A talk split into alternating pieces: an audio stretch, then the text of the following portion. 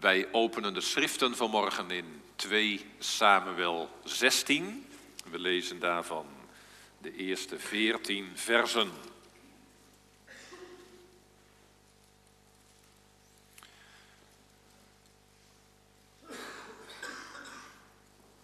Waarbij de versen 5 tot en met 14 de tekst vormen voor vanmorgen. Dus 2 Samuel 16 de versen 1 tot en met 14. En vanaf vers 5 is de boodschap voor vanmorgen.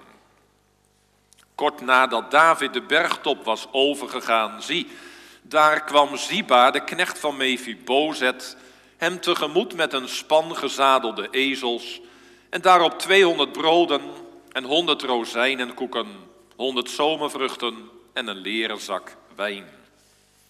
De koning zei tegen Ziba, wat wilt u daarmee? Ziba zei, de ezels zijn voor het huis van de koning om op te rijden.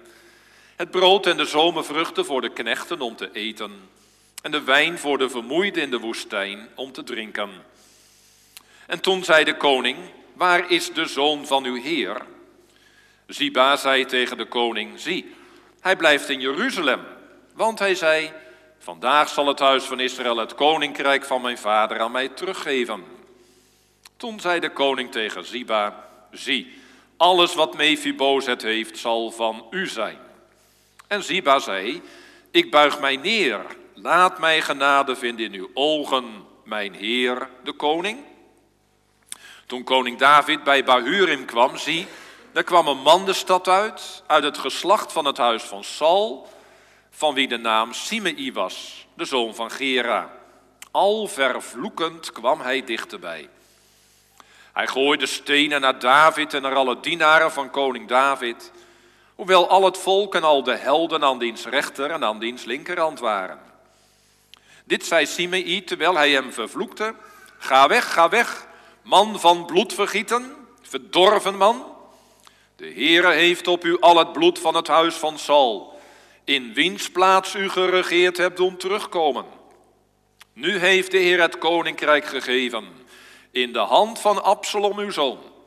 En zie u daar nu in uw ellende, omdat u een man van bloedvergieten bent. Toen zei Abizai, de zoon van Zeruja, tegen de koning, waarom zou deze dode hond mijn heer de koning vervloeken? Laat mij toch oversteken en hem de kop afslaan.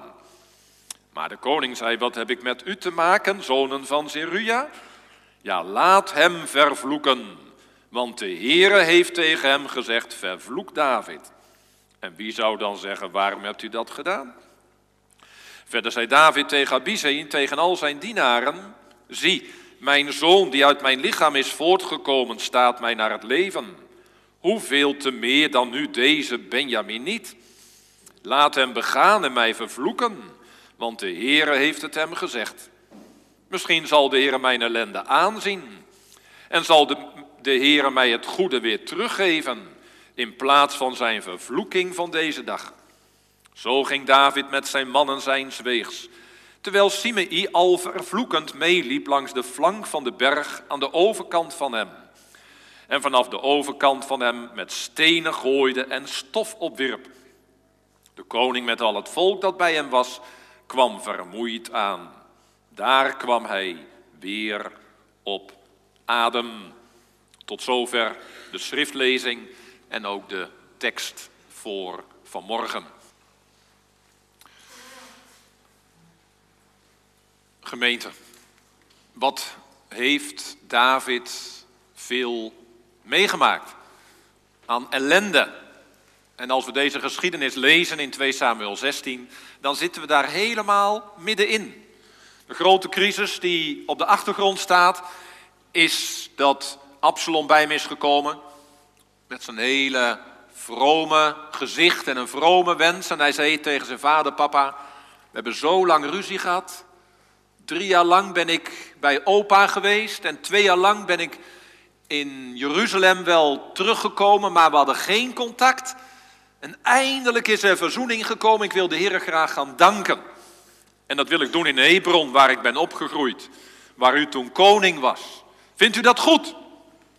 Ja, natuurlijk, mijn jongen, is dat goed. Zou het hart van een vader En speciaal het hart van David voor zijn zoon Absalom, bij wie hij nog nooit een teken van godsvrucht had gezien. Niet opspringen van vreugde, van verwondering, van verwachting. Als je zoon vraagt om een offer te mogen brengen, om de Heer te gaan dienen. En Absalom is gegaan. En hij wreef zich in zijn handen. En zijn vader had lekker niks door. En hij heeft zich gehaast naar Hebron. En alles was al perfect uitgedacht en georganiseerd. En hij heeft zich daaruit laten roepen tot koning. En overal in het land werd op de bazuin geblazen: Absalom is koning. En David hoort ervan en die moet in allerijl zijn vrouwen en zijn kinderen bij elkaar roepen om te vluchten en zijn vege lijf te redden. En daar zitten we nu middenin. David is op blote voeten en met gescheurde kleren, met misschien wel aarde op zijn hoofd, in ieder geval anderen bij hem hadden dat.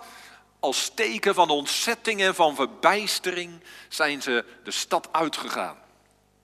Eerst de stad uit, hè, dan, u kent de situatie misschien wel, dan ga je dat Kederomdal in en dan daarachter ga je weer tegen de Olijfberg omhoog. Daar ontmoet hij Ziba, dat is nog zo'n donkere bladzijde in het leven van David. David die wordt bedrogen door Ziba. Als Ziba tegen hem de suggestie wekt dat Mephibozet in de stad is gebleven om deze gelegenheid te gebruiken om weer koning te worden. Hij denkt in deze chaos kan ik misschien weer het koningschap van het huis van Saul terugkrijgen. Het was helemaal niet waar, maar David die gelooft het. En wat moet dat voor David zijn geweest?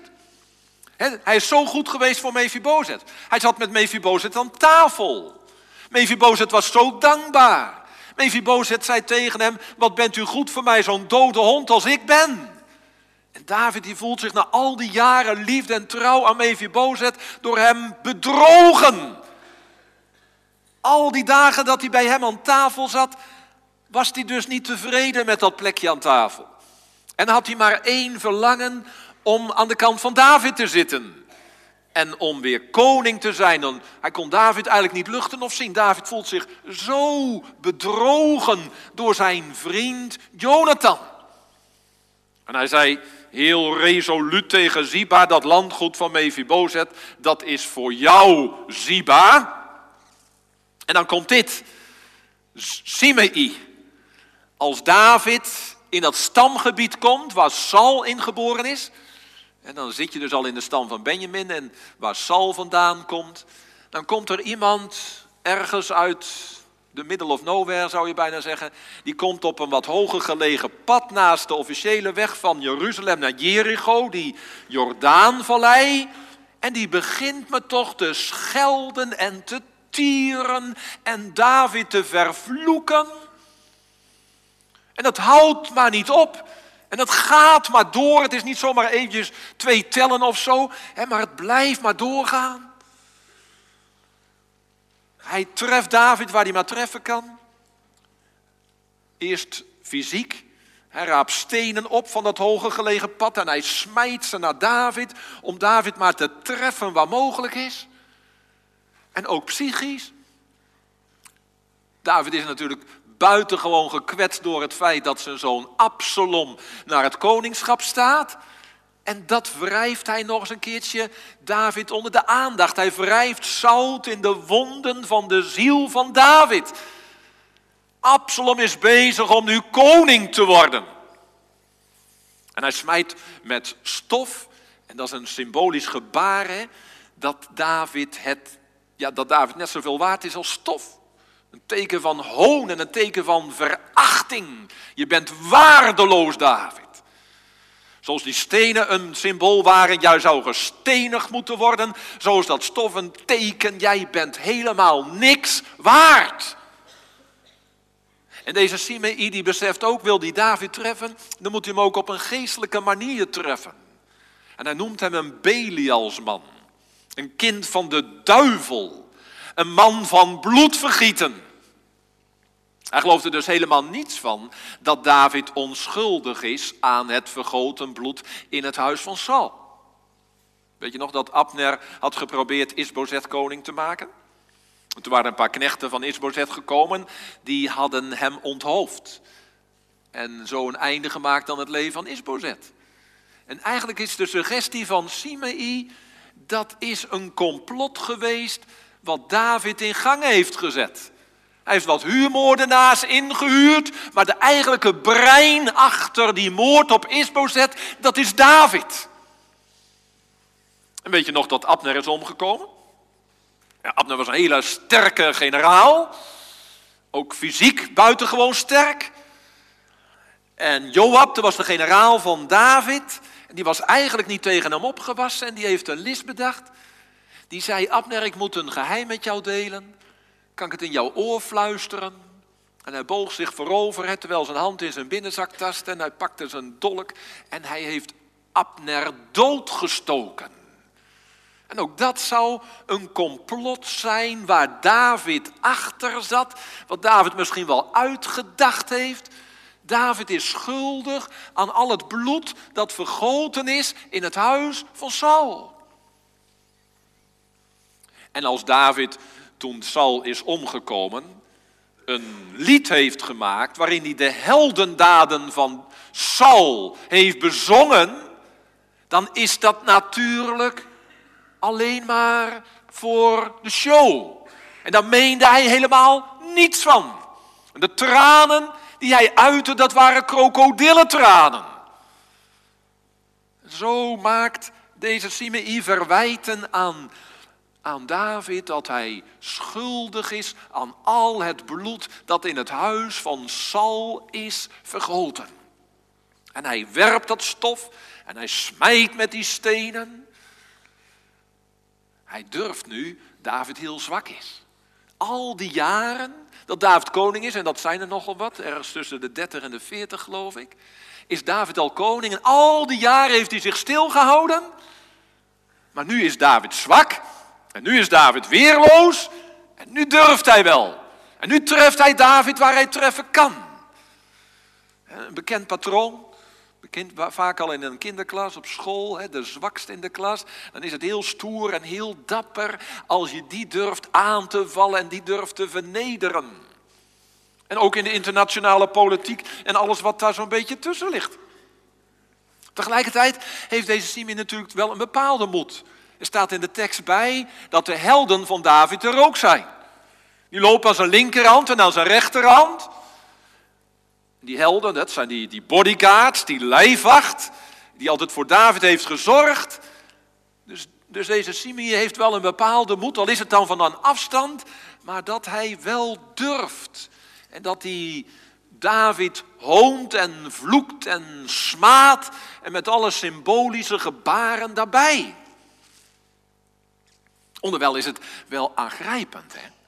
Daar gaat dus David. Daar gaat de man naar Gods hart. Dan gaat de man die liefelijk is in psalmen. Dan gaat de man die door God is uitgekozen om koning te zijn. Die met een horen is gezalfd als een teken van een onbreekbaar koningschap. Die man die wordt gesmaad en hij wordt gehoond en hij wordt bespottelijk gemaakt. En hij moet vluchten om zijn lijf te redden. Is dat de gezalfde van de Heer? En als ik het met deze woorden aanduid, hè, de gezalfde van de Heer, dan, dan, dan, dan zien we ook iets oplichten, toch? Dan voelen we er iets in, dan horen we er iets in dat dit iets profetisch heeft. We zongen Psalm 69, dat is in de historische situatie van toepassing op David. Maar we zingen die psalm ook vaak in de lijdenstijd de smaad en de spot en de overlast die op de Heer Jezus Christus is gekomen. Dat Hij veracht was en de onwaardigste onder de mensen. Wat, wat is de Bijbel toch wonderlijk? Het gaat niet alleen over een geschiedenis van 3000 jaar geleden, waar je op een bepaalde manier kunt vereenzelvigen misschien met David, maar het heeft tegelijkertijd een boodschap, een heenwijzing, een aanwezigheid van die grote zoon van David, die leidt in de persoon van David. De Heer Jezus Christus, die leidend aanwezig is in het lijden van deze koning. Onderzoek de schriften. Ook 2 Samuel 16, want die zijn het die van mij getuigen. En als dit nou een prediking is van het lijden van de Heer Jezus Christus, in profetisch perspectief. Wat, wat, wat moet u dan verwachten voor het lichaam van Christus? Als dit aan het hoofd gebeurt, zou je kunnen voorstellen dat het lichaam van dat lijden is uitgesloten? Zou je deel kunnen hebben aan Christus zonder deel te hebben aan zijn lijden? Als we met hem lijden, dan zullen wij ook met hem verheerlijkt worden. Zou het zo kunnen zijn dat het lichaam van Christus, de kerk van Christus, dat die alleen maar respect krijgt en waardering krijgt in deze wereld, terwijl Christus uitgebeeld wordt in de smaad en hoon die over David uitgegoten wordt? Je voelt wel, dat is niet denkbaar. Hè? Ze hebben mij gehaat, ze zullen ook u haten. En misschien moeten wij ons wel instellen, ook in onze samenleving, dat wij als gemeente, als kerk nog veel meer naar de rand van de samenleving worden gedrongen. En dat er nog veel meer onverdraagzaamheid openbaar zal komen.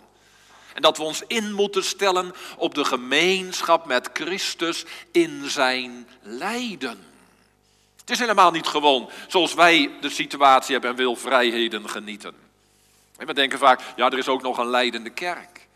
Maar zou dat niet meer het model zijn van de kerk van Christus? En dat de situatie waarin wij verkeren, dat dat een uitzondering is? En dat je wel heel dankbaar mag zijn voor alle ruimte die we wel hebben vandaag? En alle respect die je persoonlijk misschien op je werk wel krijgt of in je studie ontvangt? En, als wij hier een lijn in zien naar Christus. En de leidende Christus en het leidende lichaam van Christus. Dan valt ons ook iets op te leven met één zinnetje aan, die 30 of 40 jaar lang onder de radar is gebleven. Hij kwam uit het huis van Saul. Hij kon het niet uitstaan dat het huis van Saul niet langer op de troon zat. Maar je hebt het nooit gemerkt.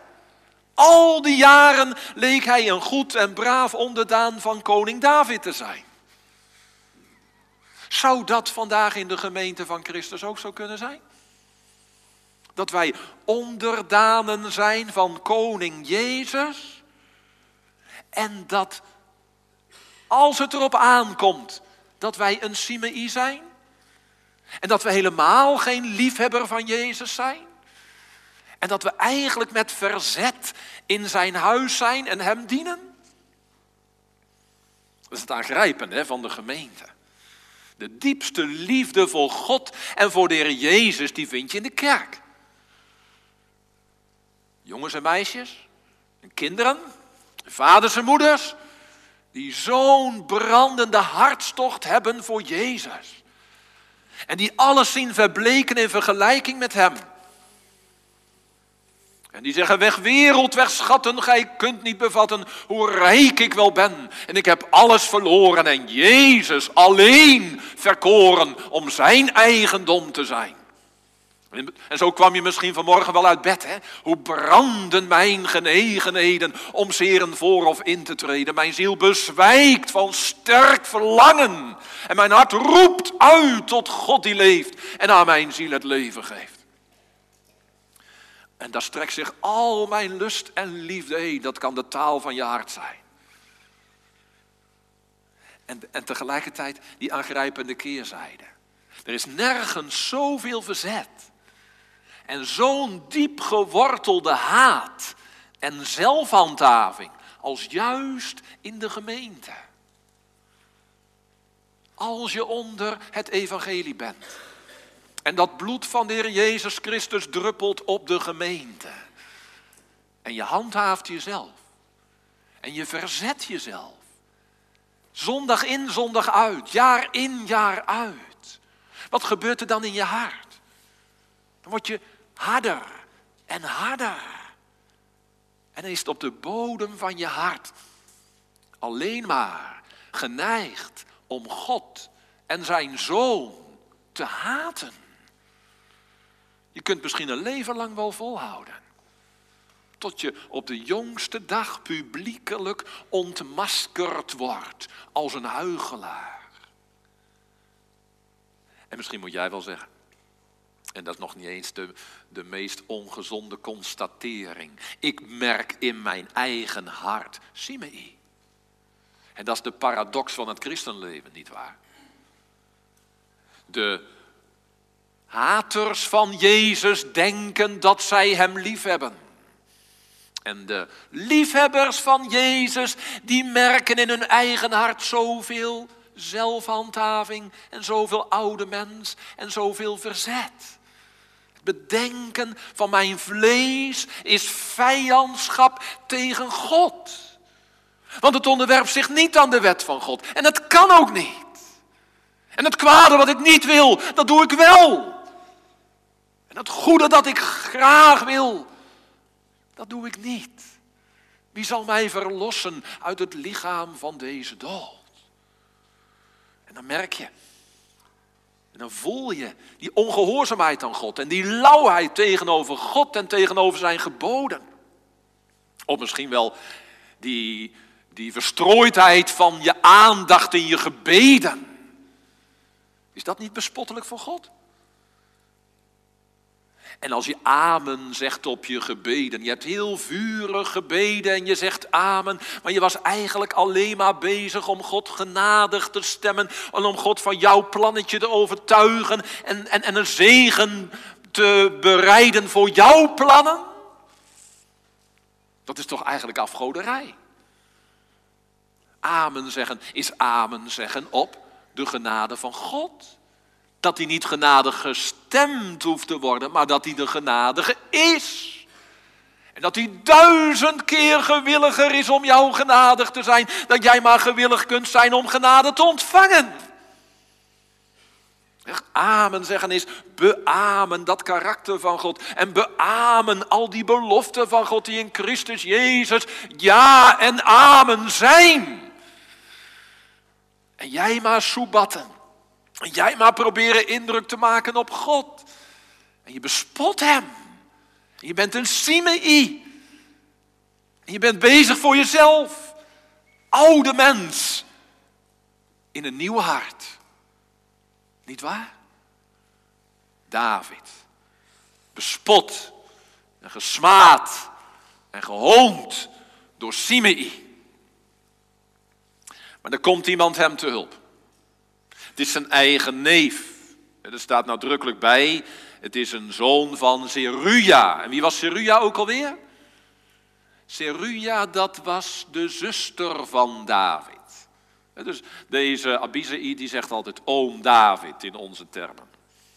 En trouwens, om het verband even compleet te hebben, de broer van Abizai, wie was dat? Dat was de Joab waar we het net over hadden dus Joab en Abizai, beide zonen van Zeruja. En Zeruja de zus van David. Dus misschien daarom wel dat deze Abizai zich buitengewoon ja, aangesproken voelt en verbonden voelt met zijn oom en dat hij voor hem op wilt komen. En hij zegt tegen zijn oom David, hij zegt, oom David, hoe lang gaat dat nog door? Het is toch absurd dat deze man uit het huis van Saul, dat hij, dat hij u vervloekt en dat hij u vernedert en dat dat maar doorgaat. Zal ik eventjes tegen de berg oprennen en hem een kopje kleiner maken? Die dode hond. Een hond, teken van verachting. En nog eens een dode hond, dat is natuurlijk helemaal niks waard. Het is voor mij maar een kleinigheid. Ik doe dat wel even. En dan bent u van dat vloeken en honen en spotten af. Heeft hij geen gelijk? Je hoeft toch je niet alles laten zeggen? Misschien hebt u het ook wel eens gehad dat u bij een arts kwam en dat u wat klaagde over, over druk die op je werd uitgeoefend. Mensen die wat gemeen waren tegenover jou. En dan vroeg die huisarts, die vroeg van, maar wat doe je dan? Dan zeg je, ja, ik doe eigenlijk niks. Ik laat het maar over me komen. En dan zegt die arts, die zegt dan tegen jou, maar ja, dat, dat, dat moet je ook niet doen. Je mag best wel voor jezelf opkomen. En je hoeft je niet alles te laten gezeggen.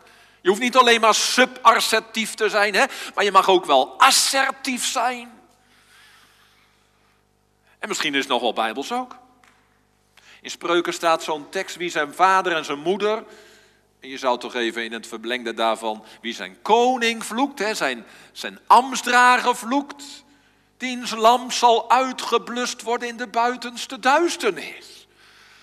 Wat, wat deze Simei doet, dat is toch God tergend. Dat is toch ongehoord. Dat je de gezalfde van God belastert en hoont en vernedert. Heeft Abizei niet groot gelijk dat hij daarvoor opkomt? En dat hij David een handje wil helpen en deze Simei uit de weg ruimen? Wat zal de reactie van David zijn? Als David familie is, dan is hij misschien zelf ook wel van dat karakter en van die gezindheid, zou je zeggen. Loopt er ongetwijfeld dezelfde soort bloed door zijn aderen. En heeft dezelfde DNA-structuren. En, en, en wat wij misschien ons nog wat minder realiseren, dit is wel een Oosterse situatie. En Oosten, dus vandaag nog zo, kenmerkt zich door een, een schaamtecultuur. Een schaamtecultuur wil zeggen, het is pas verkeerd hè, wat je doet als het ontdekt wordt. Als er iets publiek wordt. Nou, schaamtecultuur, David wordt publiek gehoond. Het is niet zomaar een privéopmerking van deze Simei, maar hij wordt publiek gelasterd. Dus, dus David als oosterling, die heeft alle reden om hier, hier totaal verbolgen over te zijn en verontwaardigd over te zijn en dat niet langer te laten gedogen. En er is nog een overweging waar je van zou kunnen zeggen, David heeft alle reden om hier positief op in te gaan. David was een strateeg. David die dacht altijd vijf stappen vooruit. Aan de ene kant om dat doel te bereiken wist hij welke stap hij moest zetten. En aan de andere kant wel als hij bepaalde stappen zette, dan bedacht hij wat de consequenties daarvan waren. Er zijn aangrijpende momenten dat David in een grote crisis is, maar dat hij toch altijd op zijn quivive blijft en dat hij strategisch blijft denken. Nou, David, als je nou strategisch denkt en als deze Abisai uit de weg wordt geruimd, is dat niet heel voordelig voor jou? Dan, wordt, dan kan deze man nooit een verbond sluiten met Absalom. En dan kun je deze kant niet tegen jou krijgen. Heb je toekomstige vijanden geëlimineerd? Ik zou er maar op ingaan, David. En ik zou tegen Abizai zeggen, ga je gang. En wat lezen wij? Precies het tegendeel. David die zegt tegen Abizai, geen sprake van. Wat heb ik met u te maken, gij zoon van Zeruja?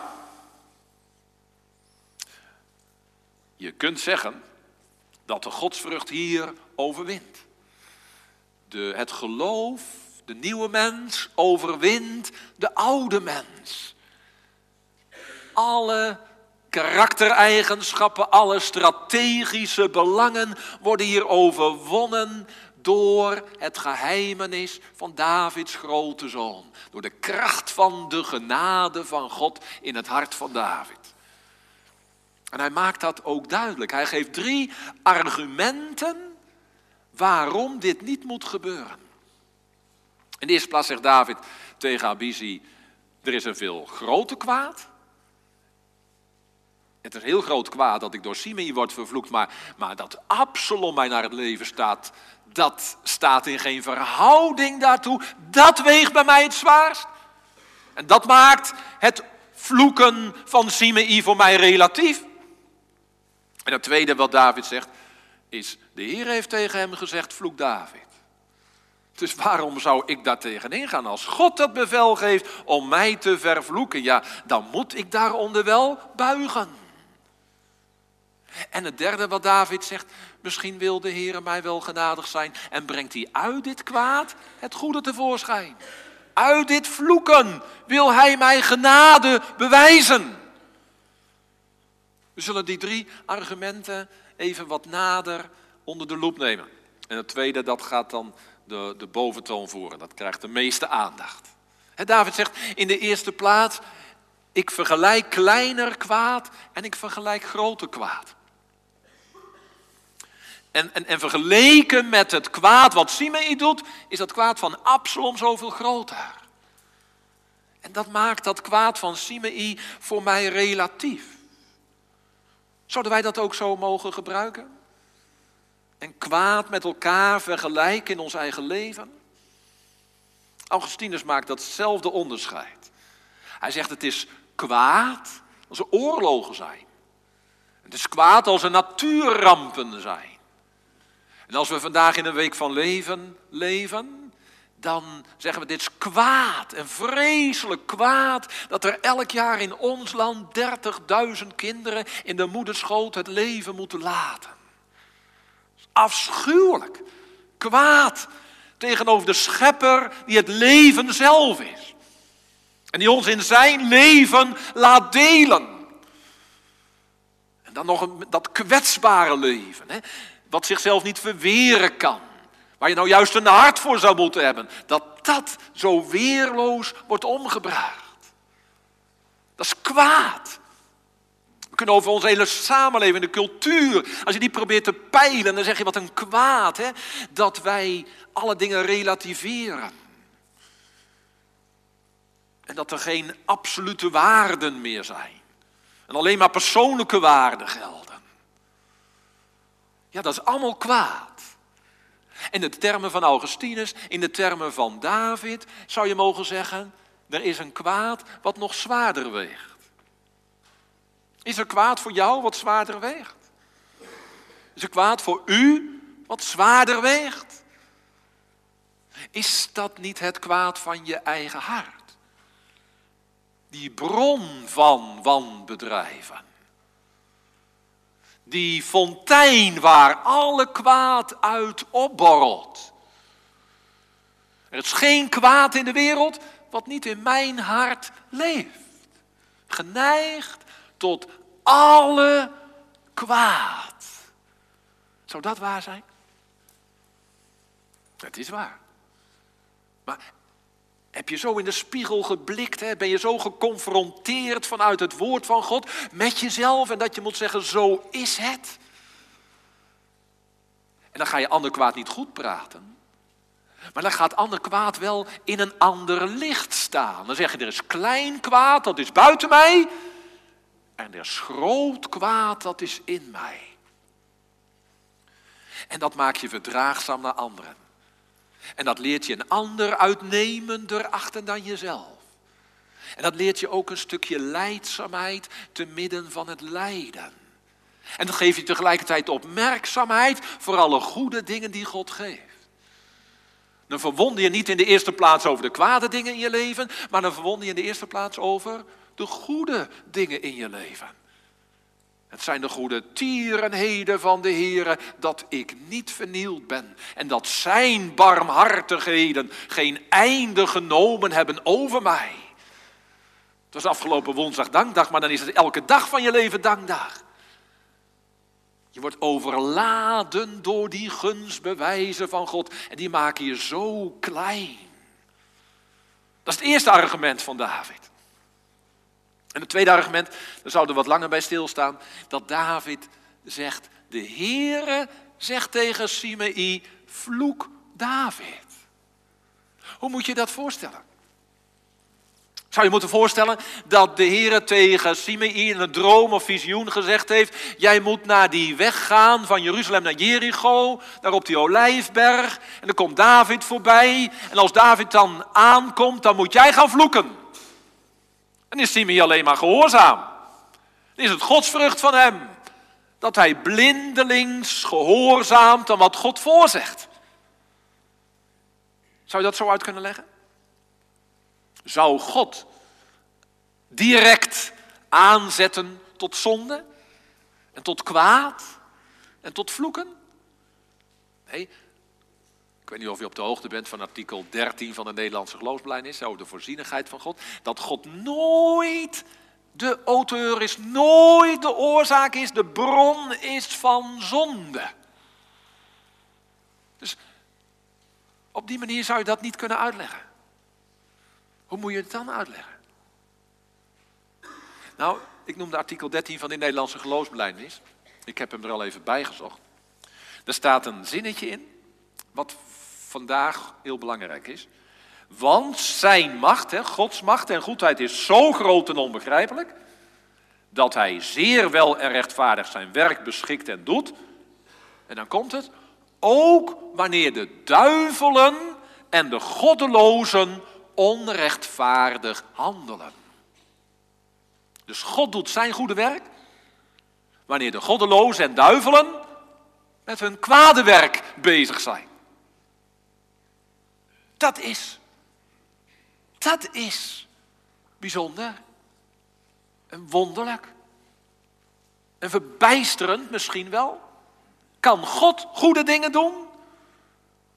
Door middel van het kwade van de duivel? Voorbeeld. Denk aan die broers van Jozef. Hadden die goede bedoelingen? Dachten die Gods plan een handje te helpen toen zij Jozef in de put gooiden? En toen ze Jozef verkocht als slaaf van die Ismaëlitische kooplui? Nee, die broers van Jozef hadden alleen maar gemene bedoelingen. Weg met Jozef. En daar waren ze zich ook van bewust. Toen vader Jacob gestorven was, waren ze vuurbang voor Jozef. Toen kwamen ze bij Jozef. Ze dachten, wat zal er nu boven ons hoofd hangen? En Jozef zei het ook rechtstreeks tegen hen, jullie hebben het ten kwade gedacht. Maar God heeft het ten goede gedacht. Om een groot volk in het leven te behouden. God heeft deze bizarre weg van jullie zonde, van jullie kwaad, gebruikt om mij in Egypte te brengen. Om mij onderkoning te maken, om mij schuren te laten bouwen, om die schuren te laten vullen met koren en om jullie daarvan te laten eten. Heilig zijn, o God, uw wegen. Niemand spreekt uw hoogheid tegen. Wie is een God als gij? Zo groot van macht en zo groot van heerschappij. Dat het kwaad een plaats heeft in dat goede, zalige plan van de levende God. En blijkbaar ziet David dat. Zien met tussen aanhalingstekens. Hij ziet met deze ogen alleen maar Simei. Maar hij verstaat, hij gelooft dat achter Simei het plan van zijn Here staat. Er staat ook nog in vijf hoofdletters. Hè? Zijn verbondsgod. Die trouw blijft in zijn ontrouw. Die nooit het kwade met hem zal voorhebben. Die God, die heeft Simei in controle. En die leidt zelfs dit vervloeken van hem door de mond van Simei. En daarom is David stil. En daarom zwijgt hij. En daarom is hij leidzaam. En daarom zegt hij zo beslist en direct tegen Abizai geen sprake van. Ja, maar David, je hoeft je toch niet alles te laten zeggen. David, jij bent toch onschuldig aan dat bloed van Saul? David, jij hebt toch het leven van Saul meermalen gespaard? Als het dan gaat over Abizai. Je bent een keer samen met Abizai naar dat leger geslopen waar Saul lag te slapen met Abner. En toen stond die speer van Saul rechtop in de grond. En toen was er een hele diepe slaap op al die soldaten. En toen zei Abizai, dit is een slaap van God. Het heeft de Heer zo geleid. David, grijp je kans. Neem die speer, één stoot en je vijand is dood. En jij bent koning. En David heeft gezegd, de gezalten van de Heer, die zullen wij geen kwaad doen. En we laten Saul in leven. Hij heeft wel die speer gepakt en een waterkruik en hij is weer teruggeslopen. En heeft daar de volgende morgen Saul mee geconfronteerd. Ik heb je leven gespaard, Saul. En dat is meermalen gebeurd. Dan hoeft toch David zich niet te laten uitschelden dat hij schuldig is aan dat bloed van Saul. Hij zat niet in dat complot met Abner. En hij zat niet in een complot met Isbozet. En hij meende het toen hij de heldendaden van David, van, van Saul heeft bezongen. David is inderdaad niet schuldig aan het bloed van Saul. Maar er is wel ander bloed waaraan hij schuldig staat. Het bloed van Uria. Overspel met Bathseba en zo gemeen bedekt met het bloed van de onschuldige, zuivere Uria de Hethiet. Ja, maar dat is toch al een hele tijd geleden. Moet je je daar dan nog over verootmoedigen, David? En trouwens, jij hebt toch ook vergeving van die zonde gekregen? Nathan is bij jou gekomen, die heeft jou daarmee geconfronteerd in die gelijkenis. Van die, van die rijke boer die dat lammetje van zijn buurman nam en dat dan zijn gast voorzette. En, en, en, en jij hebt toen je hoofd gebogen en je schuld beleden. En Nathan heeft namens God gezegd, uw misdaad is van u weggenomen. Dus David, daar hoef je niet meer mee te zitten, man. Dat is vergeven en dat is vergeten. En jij kunt weer opgelucht ademhalen. Je kunt de bladzijde van je levensboek omslaan en met een frisse nieuwe bladzijde beginnen. Gaat het zo bij jou? Vergeven zonden, vergeten zonden? Bij David niet. Misschien herinner je ook ergens in de psalmen dat we zingen: Gedenk niet aan de zonde van mijn jeugd. David heeft blijkbaar jeugdzonden waar hij op zijn oude dag nog droefheid over heeft, nog berouw over heeft. Hoe moet je dat voorstellen? Nou, weer eens een beeld. Beeld van overspel, het meest gebruikte beeld in de Bijbel voor zonde. Als ik overspel zou doen en mijn vrouw zou dat vergeven. Is het dan voorbij? Nieuwe bladzijde? Als ik in die tijd daarna nog meer ga zien hoe rein, hoe zuiver, hoe liefdevol, hoe onbaatzuchtig mijn vrouw is, dan blijf ik toch levenslang die zwarte bladzijde in mijn leven gedenken. De taal van de liefde brengt de taal van berouw met zich mee. En zo is tegenover God ook. Dus je voelt hoe God is. En hoe zuiver Hij is. En hoe lief Hij is. En hoe trouw Hij is. Dan kun je zelf je zonde niet vergeven. Onze Heidelberger die maakt dat ook heel, heel kernachtig duidelijk. Hè? In een stuk de dankbaarheid notabene. Gaat het over de bekering. En dat is in de eerste plaats afsterven oude mens. In de eerste plaats een hartelijke droefheid dat wij God door onze zonden vertoornen. Dat is de taal van de liefde. Beseffen wat jij God aandoet. En hoeveel verdriet jij God geeft.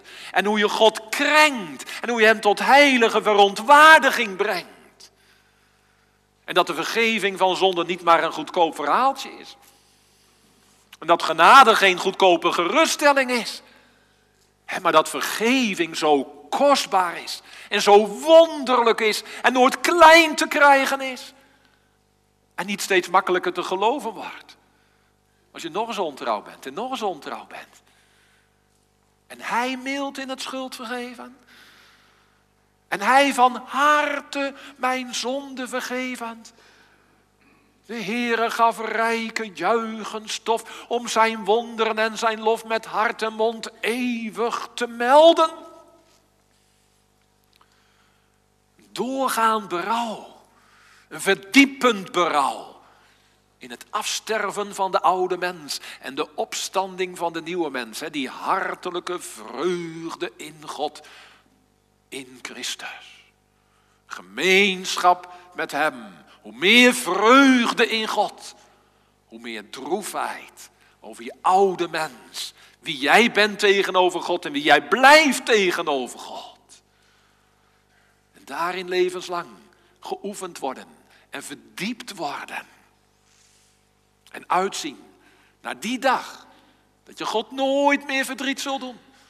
En hem eeuwig naar waarde zult verheerlijken en zult groot maken.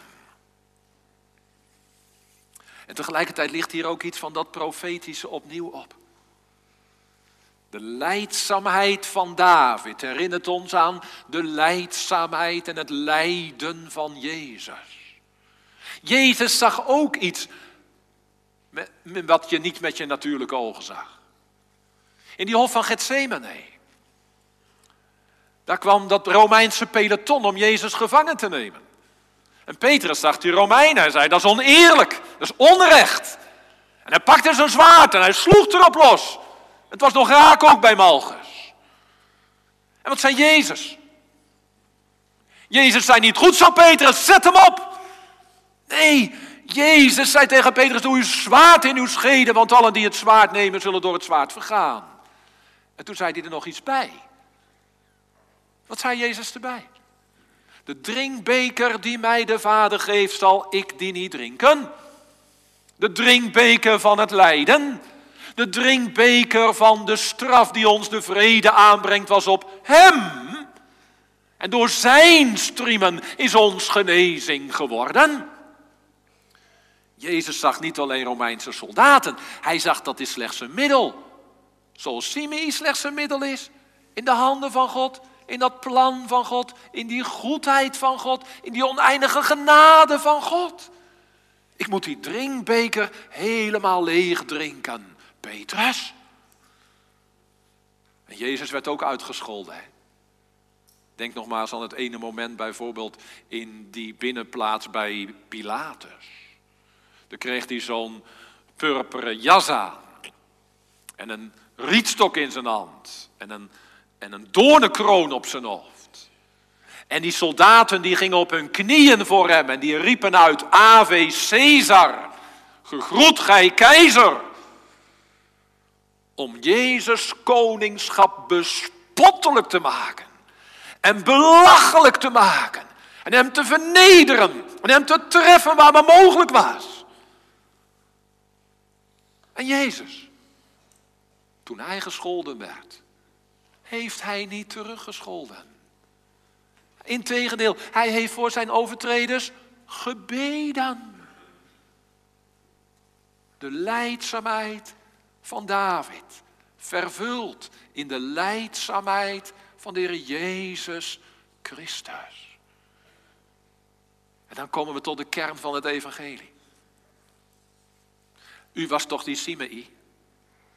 U moest toch zeggen, ik doe hem zoveel smaad en schimp en hoon aan.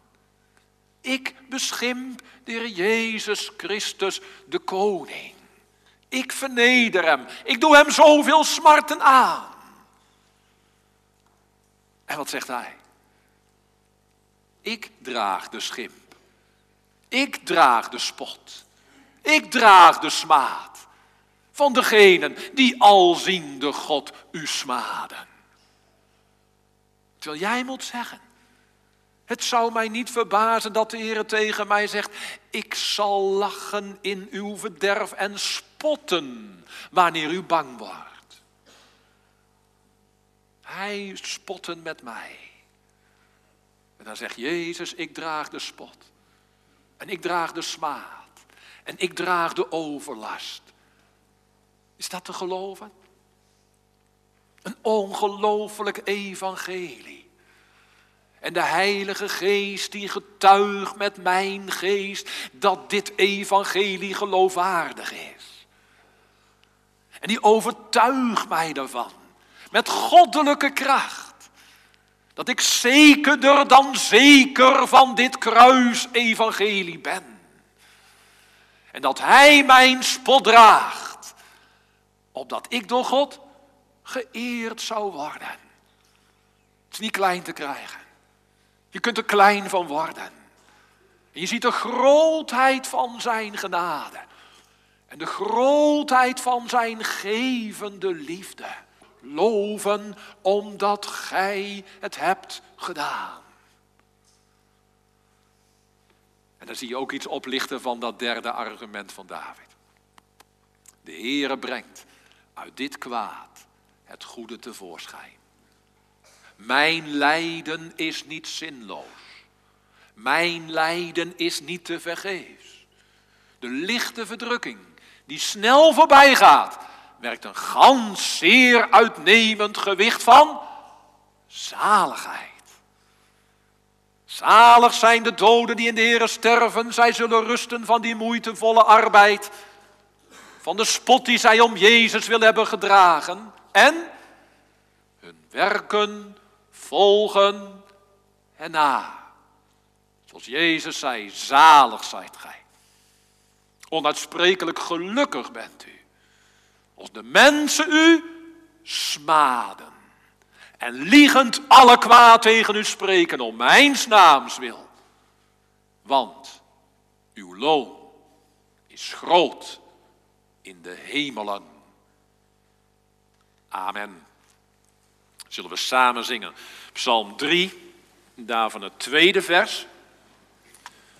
Maar trouwe God, gij zijt het schild dat mij bevrijdt. En we bedenken dat David dit heeft gemaakt, gedicht, op de dag waar we het vandaag over hadden. Maar trouwe God, gij zijt het schild dat mij bevrijdt. Psalm 3, het tweede vers.